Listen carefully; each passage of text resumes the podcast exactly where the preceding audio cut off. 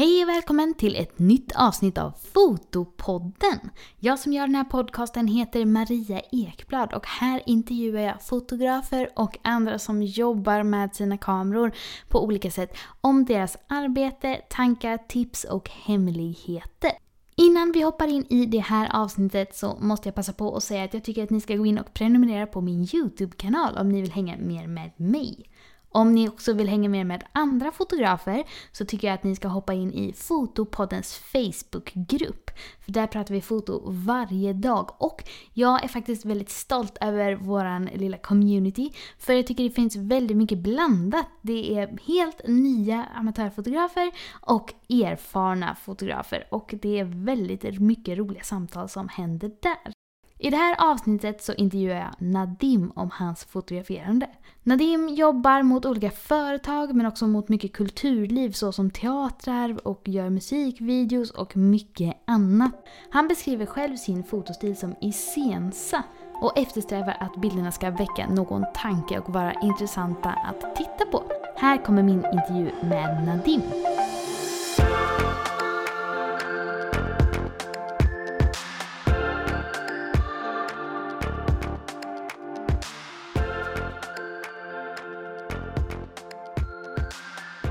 Nadim, vad roligt att du är med. Hej Maria, vad kul att få vara med. Ja, men verkligen. För de som inte känner till dig, vill du berätta lite vem du är och vad du fotar? Ja, jag heter Nadim, jag är fotograf och filmare och lite...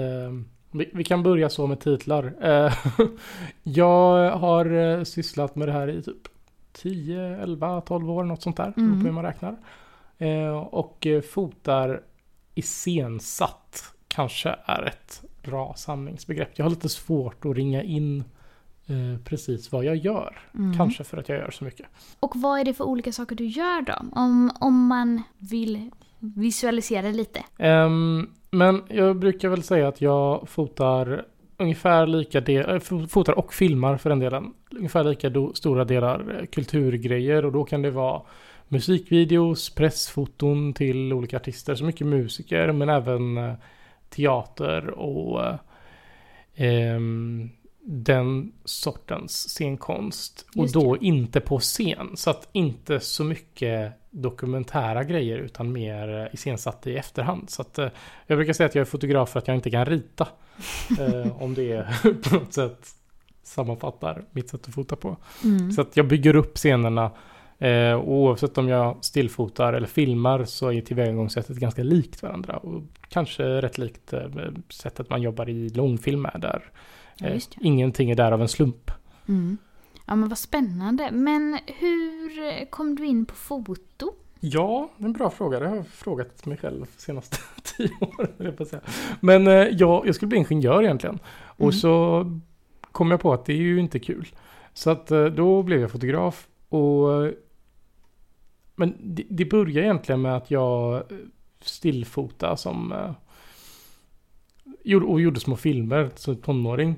Mm. Um, och sen så efter ett tag så började jag lägga upp dem på en typ eh, bloggsida som jag hade då bara för att mina kompisar som jag var de jag fotade mm. jag också skulle kunna få ta del av de bilderna. Um, och så en dag så var det en, en, en polare som hade uppe min hemsida Eh, och bilderna var framme och så gick hans mamma förbi. Och då frågade de, men vem är det som har tagit de bilderna? Känner du honom? Och eh, så ledde det till mitt första fotojobb, för hon var, jobbade då på eh, Västtrafiks kommunikationsavdelning. Och de ville ha typ någon slags... Och hon var absolut inte i den positionen att hon skulle vara bildbeställare, men hon var väl trött på sin kommunikationsavdelning. Någonting. Jag hoppas inte hon hamnar i trubbel nu. Nej då, det var ju länge sedan nu. Men eh, ja, det är preskriberat. Um, och så typ bara någon vecka efter det så skulle jag fota typ, inte en kampanjbild, men ändå ett, ett foto som de skulle ha till sin, eh, ja men som en julkalendergrej. Och till början så sa de bara att det skulle vara uppe på deras hemsida men så, så tryckte de en vepa på så här fyra gånger två meter eller vad det nu var och hängde Oj. i Brunnsparken. Okay. Så jag, Häftigt. Jag var, 17, ja, men visst, jag var 17 år och tänkte herregud och jag fick betalt för det här. Ja. Ehm, tänkte att jag var hur stenrik som helst. Jag fick typ ett busskort och någon tusenlapp. Det var... Ja men ändå, är man 17, Ja, ja. stora pengar var. Herregud, ja verkligen. Det var ju så två eller tre gånger mitt studiebidrag. Och dessutom fick jag ett fritidskort. Ja. Det hette de ju back in the Det days. är ju guld värt. För er som inte bor i Västra Götaland, det Just innebär ju alltså att man får åka buss och tåg och båt i hela Västra Götalandsregionen. Jajamän. Mm. Precis, jag är Göteborgsbaserad kan ju, om inte dialekten redan avslöjat det. Mm. och hur utvecklade det sig sen då? Eh, jo, men sen så skulle jag ju ta studenten ganska kort därefter. Mm. Och eh, jag pluggade tekniskt då. Så att, eh, så här, ingenjörsförberedande. Och mina föräldrar är väldigt glada för det. så, eh, men sen typ en månad innan studenten så upptäckte jag att det fanns något som heter Fotoskolan i Göteborg. Så tänkte jag, ja men fan vad gött. Då ska jag ju såklart att jag ska söka ehm, till, till foto. För det, det visste jag inte ens att man kunde leva på då. Jag trodde bara att det var någonting som så här. Alltså typ rockstjärne ouppnåeligt Mm. var det för mig. Mm. Ehm, men så eh, sökte jag och så kom jag, gjorde jag arbetsprover och kom vidare till intervju. Och så kom jag inte in. Och då blev mina föräldrar väldigt lättade och så tänkte de att så här, vad bra, då tar han ju sin ingenjörsplats som jag hade ju sökt till ingenjörslinjer också. Just det. Men eh, det gjorde jag inte, utan jag tackade nej och sa jag ska frilansa ett år. och och det, det, den familjedraman kan vi släppa nu. Men eh, det, det var ett år. Det var jättelärorikt. Jag tog mina första fotojobb så jag sa ja till allt. Och alla som ville bli fotograferade. Mm. Eh, gjorde alla misstag man någonsin kan göra. Och sen eh, när det året hade gått så eh, sökte jag till fotoskolan igen. Och den här gången både till Gamleby och till fotoskolan i Göteborg. Mm. Ehm, och jag kom in på båda. Mhm. Vad valde Så- du sen då? Det blev Göteborg. Mm. Jag eh, kände att eh, dels så hade jag min dåvarande kärlek i Göteborg och eh, så hade jag redan påbörjan av en kundkrets. Så jag kände att så här, jag skulle, jag ville inte lämna allting utan fortsätta där. Just ja. Eh, och så hade jag fått mig en smärre chock när jag åkte till Gamleby och inte hittade en eller annan person där och blev lite så mörkrädd. Mm. Men eh, jag har förstått att det är jättefint där också. Jag var nog bara där på en helgdag när jag skulle ha min intervju. Ehm, Mm. Ja, första Så- intryck kan ju göra mycket. Ja, det kan jag, kan göra. Så. Och så eh, ja, var det två jättefina år där, där jag eh, eh, lärde mig jättemycket om eh, både mig själv och vad jag, vad jag redan kunde som jag trodde att jag inte kunde och, och fick träffa människor som höll på med samma sak och sånt. Och efter de två åren så började jag frilansa direkt och det är det enda jag har gjort Mm. egentligen. Sen Ja, någonsin. Jag har, jag har aldrig haft en anställning, jag har alltid varit fotograf. Liksom. Mm, vad det är det enda jag häftigt. vet. Men, ja, kanske. Jag tycker det är roligt för jag tycker att jag känner igen mig mycket i det här som du berättar. Det här med att fota sina kompisar för skojs skull. Att det sen liksom utvecklas till något annat liksom mycket större. Ja, men jag tror att det är det enda sättet man kan börja på. Alltså det, det är inte som att man, man måste ju testa. Det är ju Mm. verkligen ett yrke som har så många olika hattar på sig. Där det inte bara är typ att hantera en kamera eller att hantera människor. Eller, eller att vara företagare. Det finns så många delar i det. Så Mm. det går ju inte att lära sig allt eh, på en gång. Eller bara börja Mm. jobba liksom. Men hur hittade du din fotostil och det här iscensättande fotot som du håller på med nu? Bra fråga. Jag... eh, Jag tror ljussättning var en sån grej jag nördade i väldigt, väldigt mycket i början. Det gör jag fortfarande, men det blir lite mer sekundärt nu. Ehm, och jag tror att eh, när jag alltså, så här, hittade min första blixt, det var någon så gammal typ Toshiba-blixt som hade av och på var de enda funktionerna som Mm. fanns. Som jag ärvde av någon gammal analog blixt. Och började leka med den. Och tänker så här, kan man rikta om ljuset så det studsar upp? Och då byggde jag en liten grej i så här kartong och aluminiumfolie för att eh, studsa upp det i taket. Och så bara blev bilderna helt annorlunda. Så att, ehm, att, att kunna med ljus förändra stämningen i en bild var eh, nog en grej som fick igång eh, mitt kreativa rätt mycket. Mm. Och eh, till början så var det så här, oj, de här bilderna ser ju proffsiga ut nu plötsligt för Mm. att ljuset är snyggt. Mm. Eh, och då var det liksom väldigt mycket det och de bilderna i början kanske inte var så intressanta men efter ett tag så kunde jag få saker så här, men det här känns ju filmiskt, det här känns som det ena och det andra. Och jag nördade supermycket, speciellt innan fotoskolan, för då trodde jag att eh, det var lite som att så här, om man ska bli ingenjör måste man kunna massa matte och allting som går att lära sig om ingenjörsyrket. Så, så trodde jag att det funkar. Mm. Och då tänkte jag att det var samma sak med foto, att då skulle man kunna alla tekniker som fanns. Så jag satt och bara plöjde teknikböcker, läste bloggar, eh, kollade på så här do it yourself fotosajter och allt möjligt. Och eh, kanske släppte vad som faktiskt skulle vara i fotot. Mm. att det blev sekundärt, vilket låter helt sjukt. Men eh, så när jag började plugga på fotskolan så utgick jag från att jag skulle vara sämst i klassen på det tekniska. Men eh, det visade sig att jag var i framkant för att jag hade bara fokuserat på det. Ja, Sen var jag ju jätteefter i tusen andra saker. Jag visste ingenting om så här, fotohistoria, journalistiskt värde, ingenting om eh, ja, branschen i sin helhet. Men eh, det som var så gött att var att då kunde jag släppa det tekniska och bara spendera två år med att eh, plöja allt annat som inte är teknik. Och det var Ja. jätteskönt. För det låter ju som en väldigt härlig bas ändå. För jag tror att många nyare fotografer kommer från det just att man har fotat för det är kul och sen så kanske man får lära sig liksom kameratekniker och eventuell studioutrustning om man vill köra med det på vägen. Just det. Ja men jag tror det. Tror, eh, det, det fan, jag ser det som en... Alltså att jag kan det tekniska gör att jag inte behöver tänka på det. Och det tror jag har frigjort det... Ska inte säga att det är, allt annat är det kreativa, men att jag kunnat lägga ett annat fokus och kunna fokusera på allt annat för att jag inte behöver våndas över kommer tekniken funka eller det ena eller andra. Så jag tror att det, det finns nog rätt många som antingen fastnar i att antingen är de svinduktiga på allt som har med foto att göra men är superrädda för teknik. Eh, eller så fokuserar de bara på teknik och är liksom, jag ska inte, ja, men, om man målar upp stereotypen av medelålders gubbe som köper på sig alla coola grejer för Mm. supermycket pengar och så bara fokuserar på så här att det ska vara teknisk perfektion men det tappar själ om jag får lov att vara lite poetisk. Ja. Ehm, så att det har varit eh, ganska skönt att kunna nörda in i det tekniska ibland och så vila i det och inte våndas för mycket som någon slags eh, ja, det våndandes ja, vad, vad letar jag efter? Ehm, Mm. Men det, är ju, men det är ju roligt för när man tittar på dina bilder då känns ju de faktiskt väldigt kreativa. Så det känns ju som att du har fått väldigt mycket spelrum i det istället då. Men tack. Eh, ja, men jag tror att eh, det är... Det är väl lite det. Jag alltid försöker hitta på någonting som eh, jag inte har sett förut eller ett nytt sätt att göra saker på. Och det behöver inte vara super eh, världsomvälvande eller på, på något sätt eh, Mm. Men pionjärigt. Men... om lyssnarna inte har varit inne och kikat på dig någonstans, hur skulle du beskriva dina bilder? men eh, typ, tänk om Quentin Tarantino eh, regisserade Harry Potter.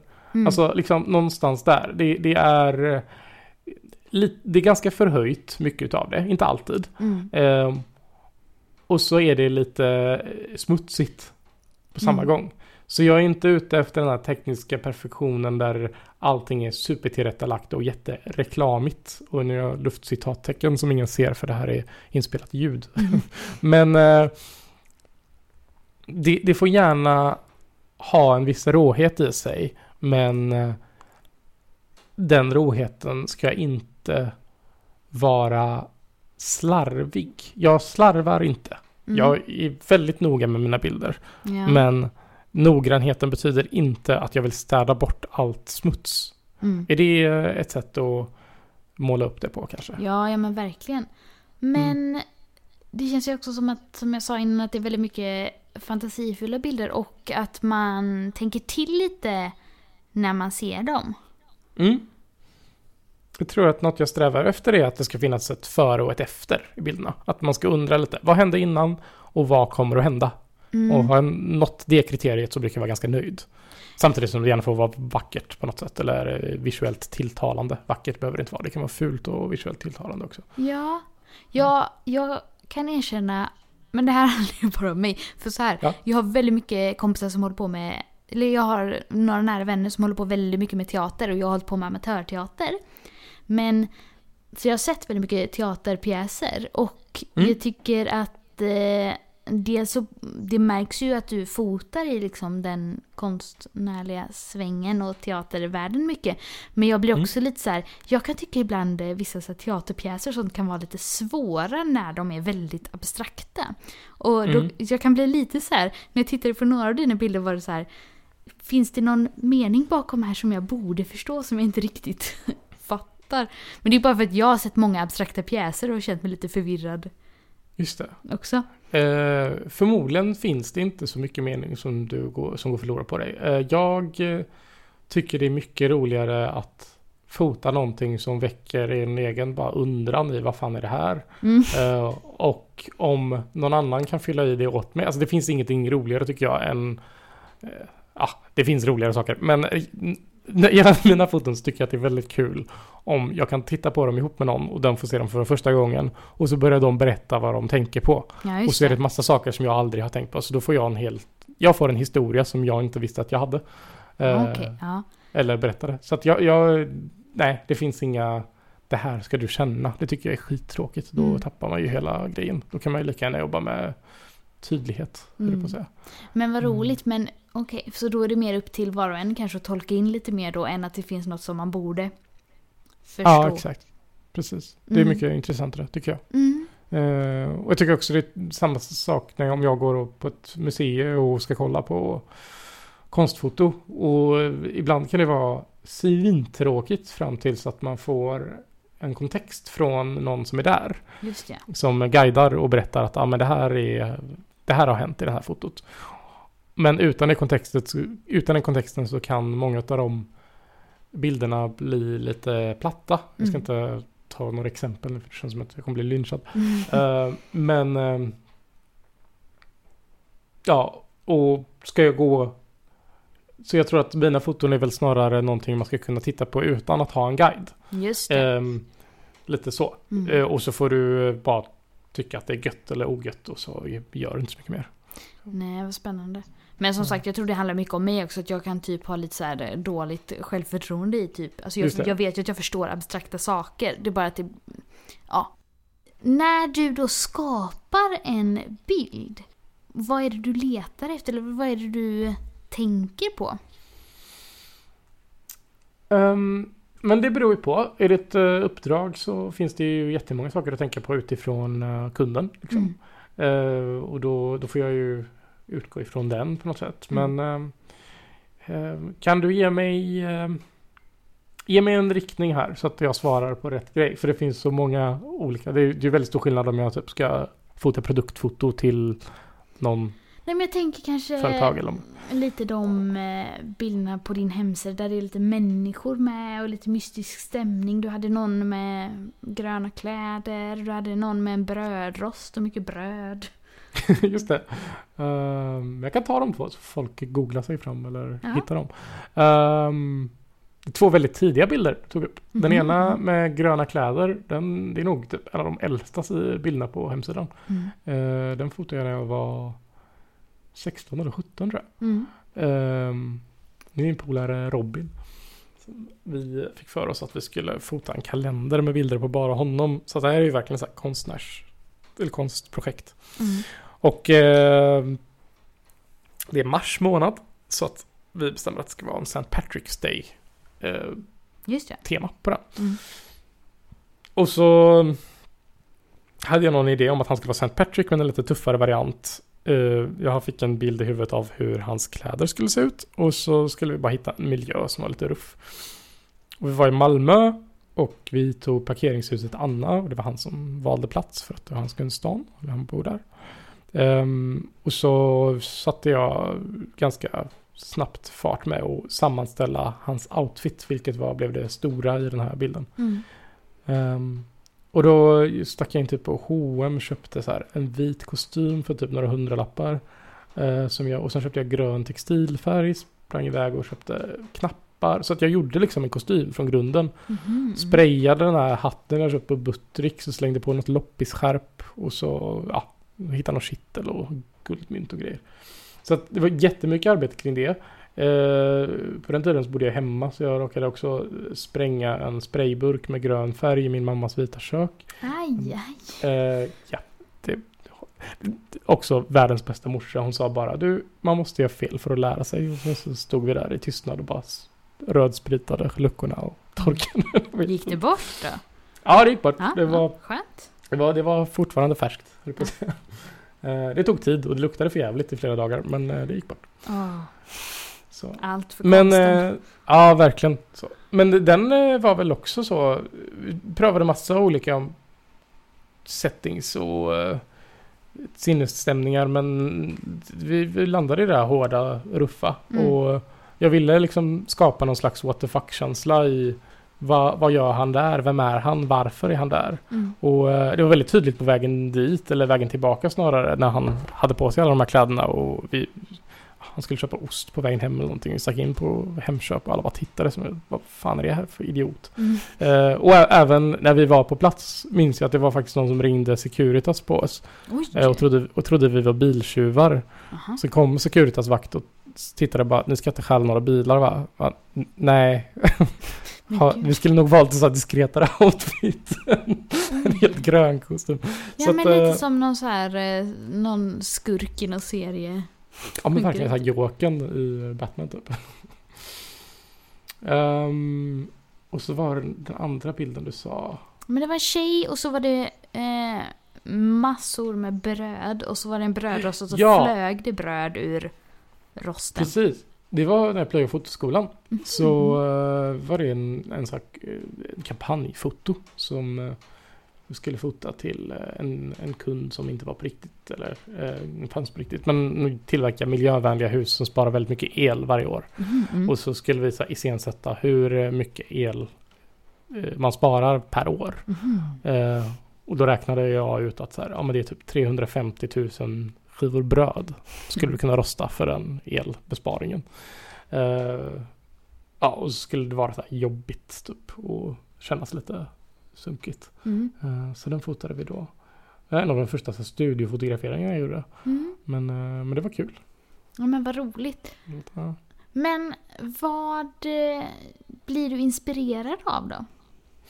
Typ allt förutom stillfoto. Det finns ingenting. eh, jag, eller, så här, jag kan bli jätteinspirerad av massa utav mina fotografkollegor Mm. och tycker att det är jättefint. Men det finns inget som sätter mer käppar i hjulet för mitt eget skapande än att titta på andra fotografer. Mm. För att eh, jag blir så här, ja vad fint, då kan jag inte göra det. Utan jag, jag hamnar i något konstigt tillstånd där jag är rädd för att härmas. Just ja. Ehm, så då är det bättre typ med film där det är så många bilder och jag kan fastna i typ någon liten grej i dekoren eller någon rekvisita eller någons karaktärskostym. Alltså det finns så mycket grejer eh, där jag kan bli inspirerad utav. Mm. Ehm, och så faktiskt teater rätt mycket. För Mm. att det är också det, det är väldigt många grejer som kommer igen i foto som finns i teatern. Du har ljussättningar, Ja, du det, har verkligen. karaktärer, du har Mm. scenografier ehm, och vinklar och grejer på saker. Ehm, så att, eh, och också att då sitter man still och kan inte sitta med sin telefon. Så att då får jag typ en eller två timmar där jag sitter och bara tänker och tittar. Just ja. Och det Och kan det du- ganska mycket. Sa i början också att alltså på en teaterscen är ju inget, eller ska i alla fall inget vara där som inte ska vara där. Nej, precis. Mm. Eh, och där, där kan jag hamna i samma sak som du kanske hamnar i då. Med att så här, varför är den grejen där? Betyder det någonting? Eller är det bara för att det är fint? Mm. typ att, eh, är, det no, är det någon poäng jag har missat? Ja. Hur hittar dina kunder dig då? Eh, för några år sedan så gick jag på en del portfoliovisningar. Men det var ganska länge sedan. Det var typ när jag hade tagit examen och det var väl 2013. Och vad är det då? Uh, portfoliovisningar. Mm. Eh, då ringer jag eller mejlar typ en reklambyrå eller någon annan som jag tänker skulle kunna anställa mig för mina tjänster. Mm. Och så säger jag hej, jag vill komma och visa bilder. Men, eh, och så ses vi på plats. Förhoppningsvis då, om de svarar. Och säger ja, kom och visa bilder. Eh, och då brukar jag ha med mig en, en, faktiskt en fysisk, en tryckt portfolio. Inte digital, för det tycker jag är roligare. Mm. Och eh, så tittar vi på de bilderna och jag berättar lite om vad jag gör och vad jag tycker om att göra och inte. Och så frågar de om bilderna och sen så eh, säger de ja men vi hör av oss om det dyker upp några jobb. Mm. Eller så säger de stick du är sämst. Det brukar de inte göra, de brukar vara ganska artiga. och så eh, har det lett till några jobb ibland. Mm. Eh, Men nu för tiden så är det faktiskt bara på rekommendation så jag letar inte jobb längre. Så eh, antingen så är det någon som har jobbat med mig förut. Ibland så kan det vara någon, någon som har hört talas om mig, någon, någon som har hittat min hemsida eller på min Instagram har hänt också. Inte Mm. lika vanligt. Men en del också så jobbannonser på sociala medier ibland så blir jag taggad av en tredje person som jag har jobbat med eller som vet att jag är fotograf och vet vad jag gör. Mm. Så att eh, det är lite av ett av några olika ekosystem som gör det sig själva. Liksom. Ja, det. Men, eh, men ganska mycket typ bara varumärke på något sätt. Ja, vad roligt. Vad häftigt när Ja. det liksom har kommit så långt så att det här client wheel rullar på av sig själv. Ja men det är skönt. Eh, det är ju tillräckligt mycket jobb att bara underhålla allting som man har. Så att jaga jobb är jag väldigt glad över att jag slipper. Ja, men verkligen. Mm. Jag såg det faktiskt på din Instagram häromdagen. Hade du inte lagt upp, eller någon gång typ, just det, jag är fotograf, vi kanske skulle lägga upp lite bilder här också. Ja precis, jag är riktigt, riktigt dålig på det. Eh, Mm. Ja, stor. Men det är väl också så här, mitt sätt att fota på är ju, jag älskar att planera ett foto i länge. Liksom. Mm. Eh, Skulle jag få drömma och jobba helt fritt så hade jag kanske lagt en veckas förberedelse på varje foto och fota fyra bilder i månaden och så vara nöjd med det liksom. Mm. Så. Men ehm, så hela det här sociala medier-formatet där du ska gärna lägga upp flera saker om dagen och typ vara supersnabb och grejerna ska bara få vara i en kort stund och sen försvinner de. Det är inte för mig. Jag är skitdålig på det. Eh, Mm. Men jag försöker. Jag försöker bli bättre på det. Så att eh, jag har till och med startat en till eh, Insta-konto. Så jag har två. Mm. För att det är lättare att underhålla menar du? Eh, nej, jag vet inte. Kanske för att eh, om jag... Jag vet inte. Jag, jag försöker ha lite mer... eh, jag, jag, jag sysslar väldigt mycket med... Det, det har vi inte pratat om. Men... eh, jag, jag bygger skitmycket grejer. Jag, jag, de- Dels reparerar jag fotoutrustning och bygger egen fotoutrustning. Eh, och, och nischar in saker där. Men jag skapar också typ, ja, men möbler, eh, läderpryttlar, Mhm. eh, och, och lite annat. Och det har blivit till den milda graden att eh, jag har liksom en verkstad hemma. Jag sitter i den just nu faktiskt när vi spelar in. Eh, så den startar jag ett eget konto för. För att eh, känna att jag måste, jag kan inte lägga upp det här bland mina fotoprylar, det blir för konstigt. Men å andra sidan så kan det vara ett bra sätt att ta ner fotoribban lite. Så jag kan fota av det lite snabbt och bara lägga upp det direkt. Ja men verkligen. Och eh, jag skojade ju lite bara förut. Det kan ju vara jättebra att dela upp sina Instagram-konton. Som du säger, om man har lite olika inriktning. Ja, men visst. Precis, så lite den grejen är det. Jag tycker det är lite roligt för jag vet flera liksom, fotografer och kreatörer som pratar på lite samma sätt som du. Att man, eh, ja, men är väldigt noga när man fotar, att man har mycket eftertanke bakom. Eller nej, vad säger jag? Att man har mycket tanke bakom sina bilder. Ja. Ehm, och att då ribban blir ganska hög. Mm. Precis, prestationsångest. Ja. Hur tänker du Eh. kring det? Är det något du... Ja. Hur har Ja. du det med det? Eh, det är väl någonting jag tror alla som jobbat med någonting skapande Mm. eh, någon, tampa, tampas med Ja, i ja, perioder. verkligen. och det, och det, det har jag väl gjort jättemycket och ibland går det bättre, ibland går det sämre. Jag har blivit bättre tror jag på att distansera mig mot jobben som är jobb och tänka att det kunden vill ha är facit och om kunden är nöjd så har jag gjort mitt jobb bra. Mm. Eh, det är ofta mina kunder, Mm. vill jag ändå säga. Eh, det brukar jag, i och med att de återkommer, så, så antar jag det i alla fall. Men eh, det är klart att det blir svårare. Det, det är ju märkligt, det är de minst betalda jobben som jag lägger mest tid och energi på.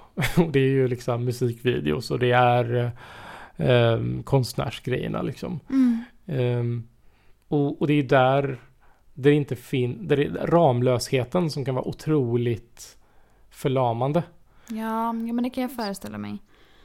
Ja, så mitt sätt att hantera det ju- brukar ju vara att tidigt försöka sätta upp ramar för mig själv. Så Mm. att, ah, ja, nu ska jag göra en musikvideo, men vilka begränsningar har vi? Då, då kanske jag sätter upp att ah, ja, men det här får ske på max en dag.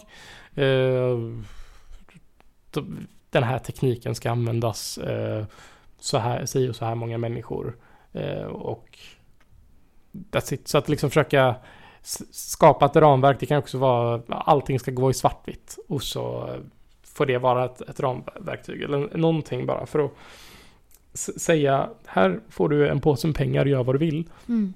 Det är typ det mest kreativt hämmande man kan göra. Mm. eh, I alla fall för mig. Ja, Så att, eh, att lösa ett problem är ju att vara kreativ tänker jag. ja. Och om det inte finns några problem att lösa så vad, vad, ska man ens göra då? Mm. Ja men vad spännande.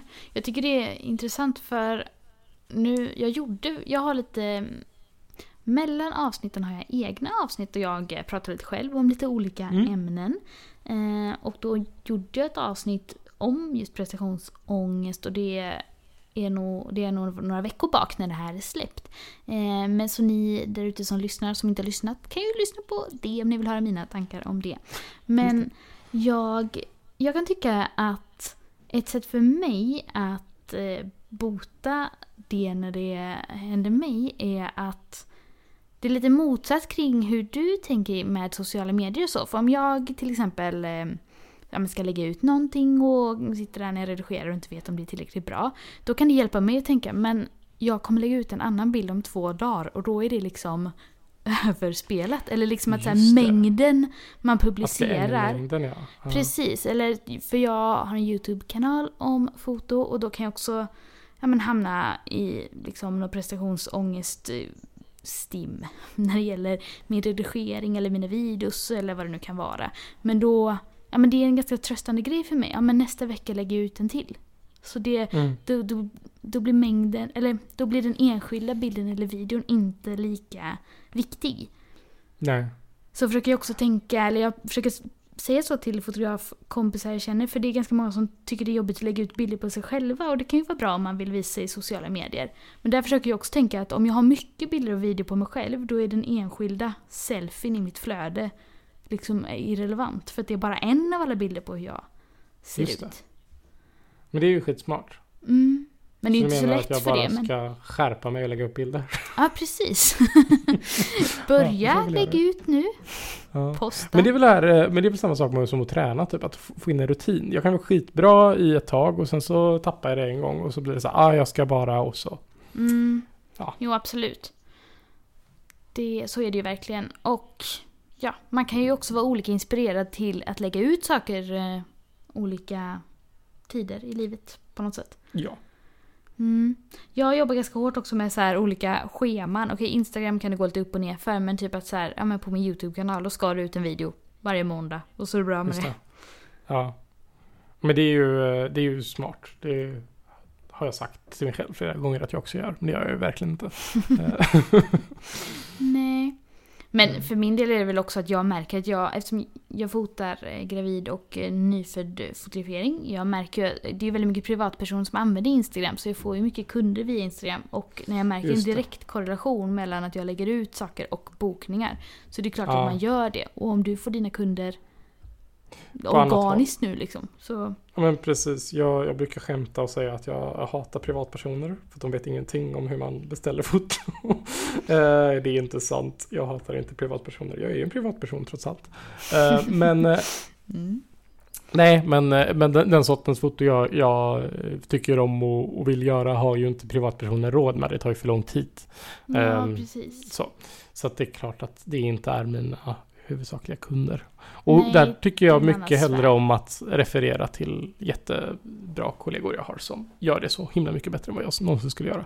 Så att Ja. eh, det känns bara bra. Ja men så kan det ju verkligen vara. Att det, alltså, det finns ju fördelar med att man har sina nischer så kan blir det win-win så får alla fota det de gillar. Precis. Men du, jag skulle vilja svänga över lite och fråga hur mycket redigering är det i dina bilder då? Eh, mindre än vad de flesta som frågar tror. Okej. Eh, men ändå lite grann. Så att eh, jag, jag spenderar inte alls särskilt mycket tid i, eh, i Photoshop efter att jag har tagit mina bilder. Utan jag försöker eller ha det som en ambition att sätta, eller komma så nära eh, mitt slutresultat som möjligt Mm. vid fototillfället. Mm. Och där hjälper det ju att vara lite tekniskt intresserad och kunna sätta ljuset så att det verkligen blir så som jag vill att det ska bli. Ja, ja Ehm, verkligen. Om vi tar exemplet med eh, gröna gubben Mm. som du nämnde förut. Så eh, i- går hela bilden mot ganska så gröna toner. Och det är för att jag satt ett eh, rosa ljus på honom. Och ställt vitbalansen efter det rosa ljuset. Så att man har liksom pushat allt dagsljus mot det gröna hållet. Mhm. Gud. Eh, så att eh, ja, jag sätter väl lite så grundläggande kurvor. Eh, retuscherar bort lite skräp som jag inte tycker tillför någonting. Eller om det är så här någon damm på någons ansikte. Om någon har en finne som de inte brukar ha eller ett sår eller någonting kan jag ta bort det. Annars så är jag ganska restriktiv med typ hudretusch och sånt. Mm. Ehm, och då alltid i samråd med den personen. Just Ofta så är det folk som ber mig ta bort saker snarare än att jag eh, frågar om jag ska. Ehm, och sen så typ lite basic curves. Någon dodge and burn historia och eh, kanske lite, lite grain om, om det behövs.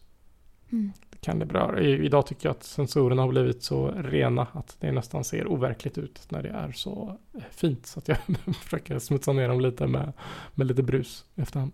Ja, just ja.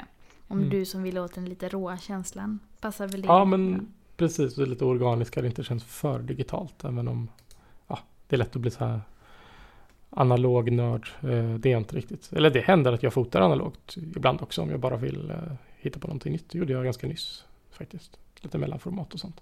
Men eh, då, ja, inte så ofta att jag gör det. Mm. Mm. Men när du har kunder som beställer bilder av dig, Mm. Hur ofta, för du sa att du tycker det kan vara svårt om de ger dig liksom fria tyglar helt och hållet, men hur ofta kommer de med egna idéer och hur mycket är det du som får fritt spelrum och hur brukar det se ut?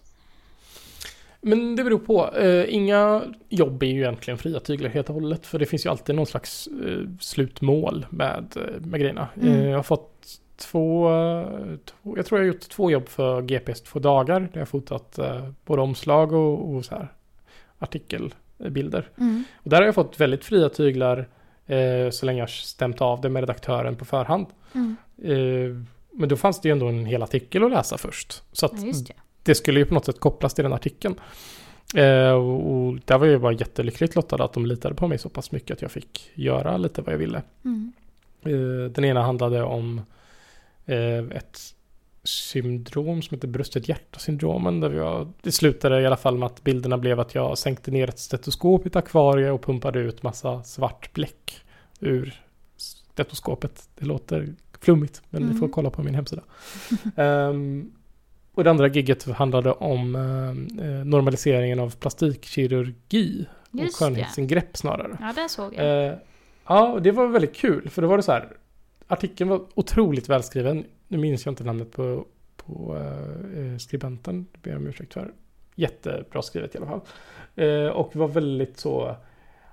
Pekade inte med några pekpingar och, och den, den höll sig neutral på ett sätt. Så jag ville inte göra foton som blev eh,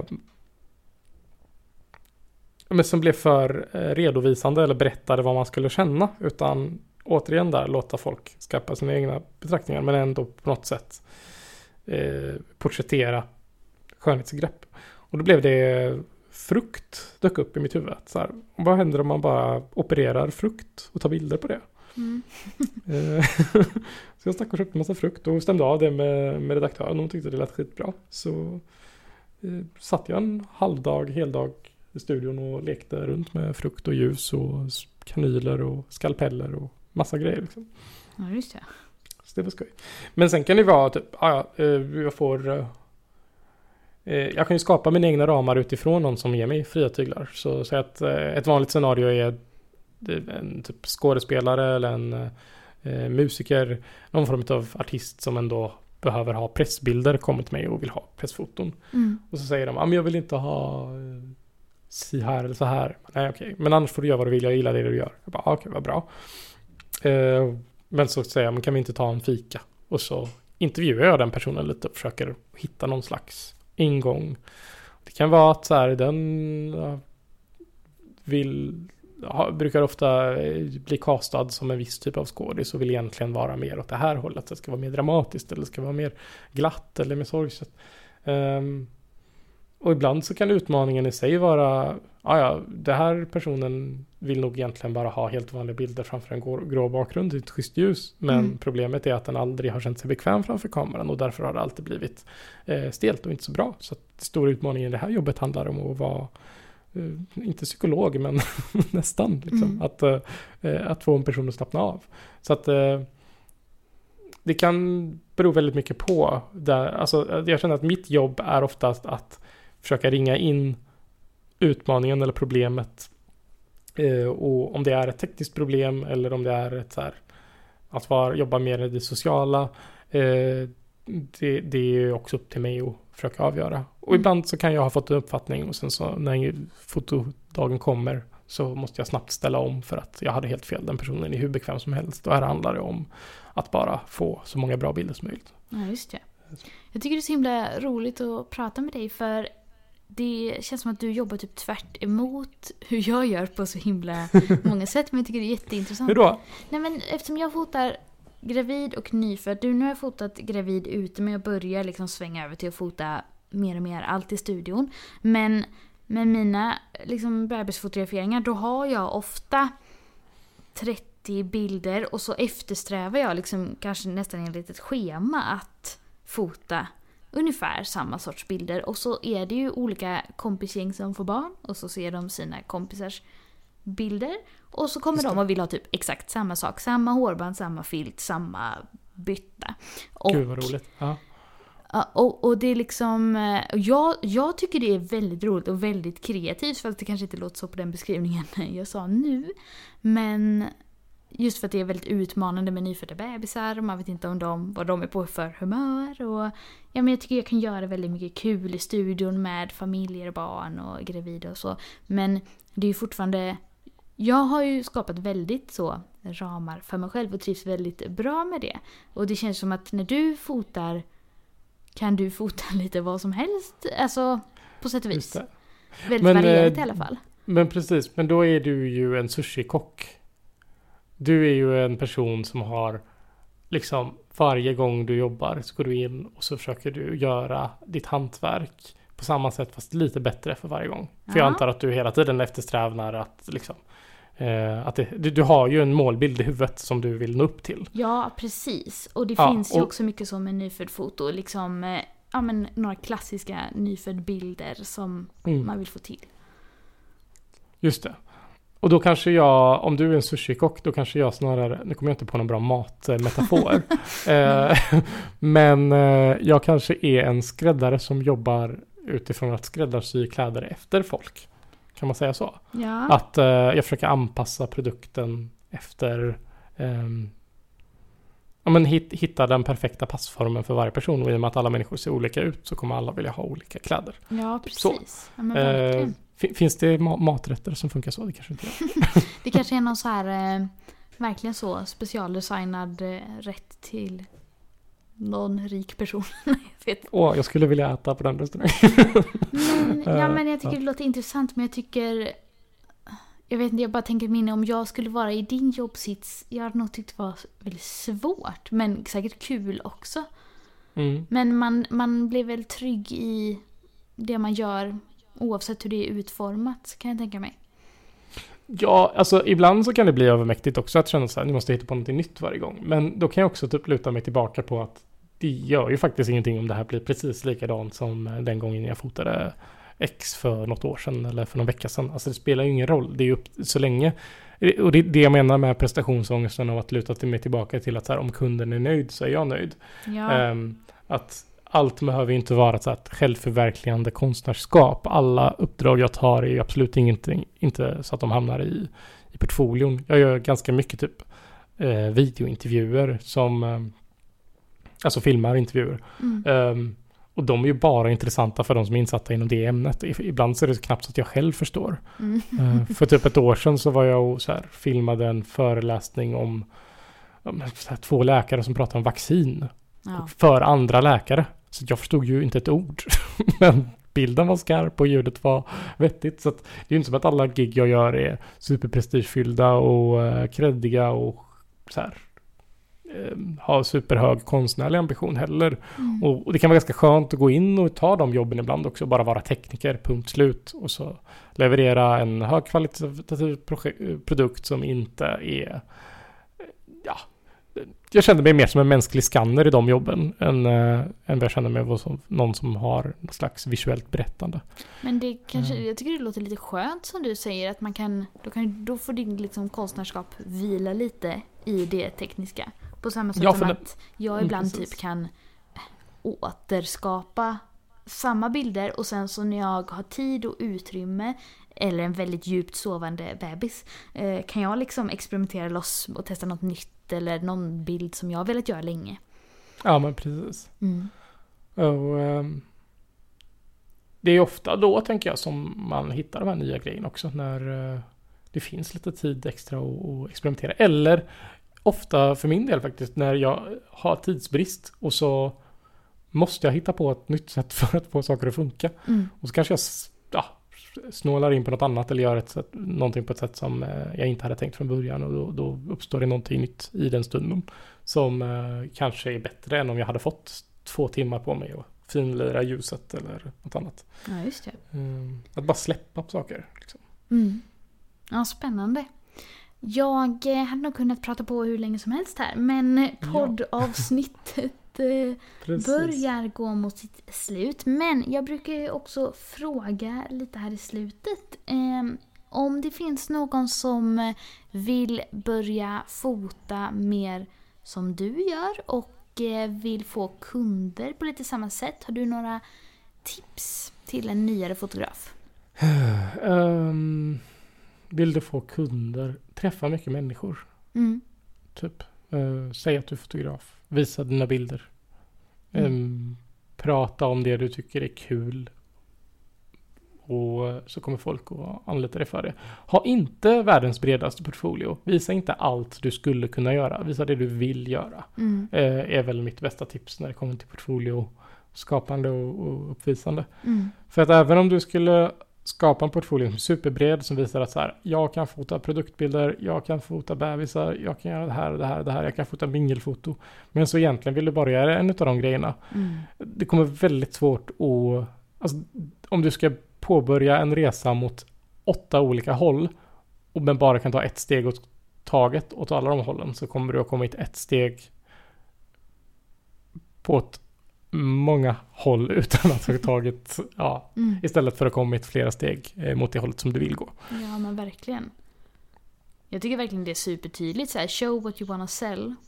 Ja, verkligen. Mm. Eh, och ofta så, även de tråkjobben jag får, tråkjobb, det att ta i, men alltså de jobben som inte alls är det som jag vill fota. Brödfödan, intervjugrejerna eller eh, typ, ja, vaccinfilmsakerna. Det är ju folk som har hittat mig för mina visuellt starka bilder. Eh, och säger, jag vill jobba med dig för du gör de här grejerna.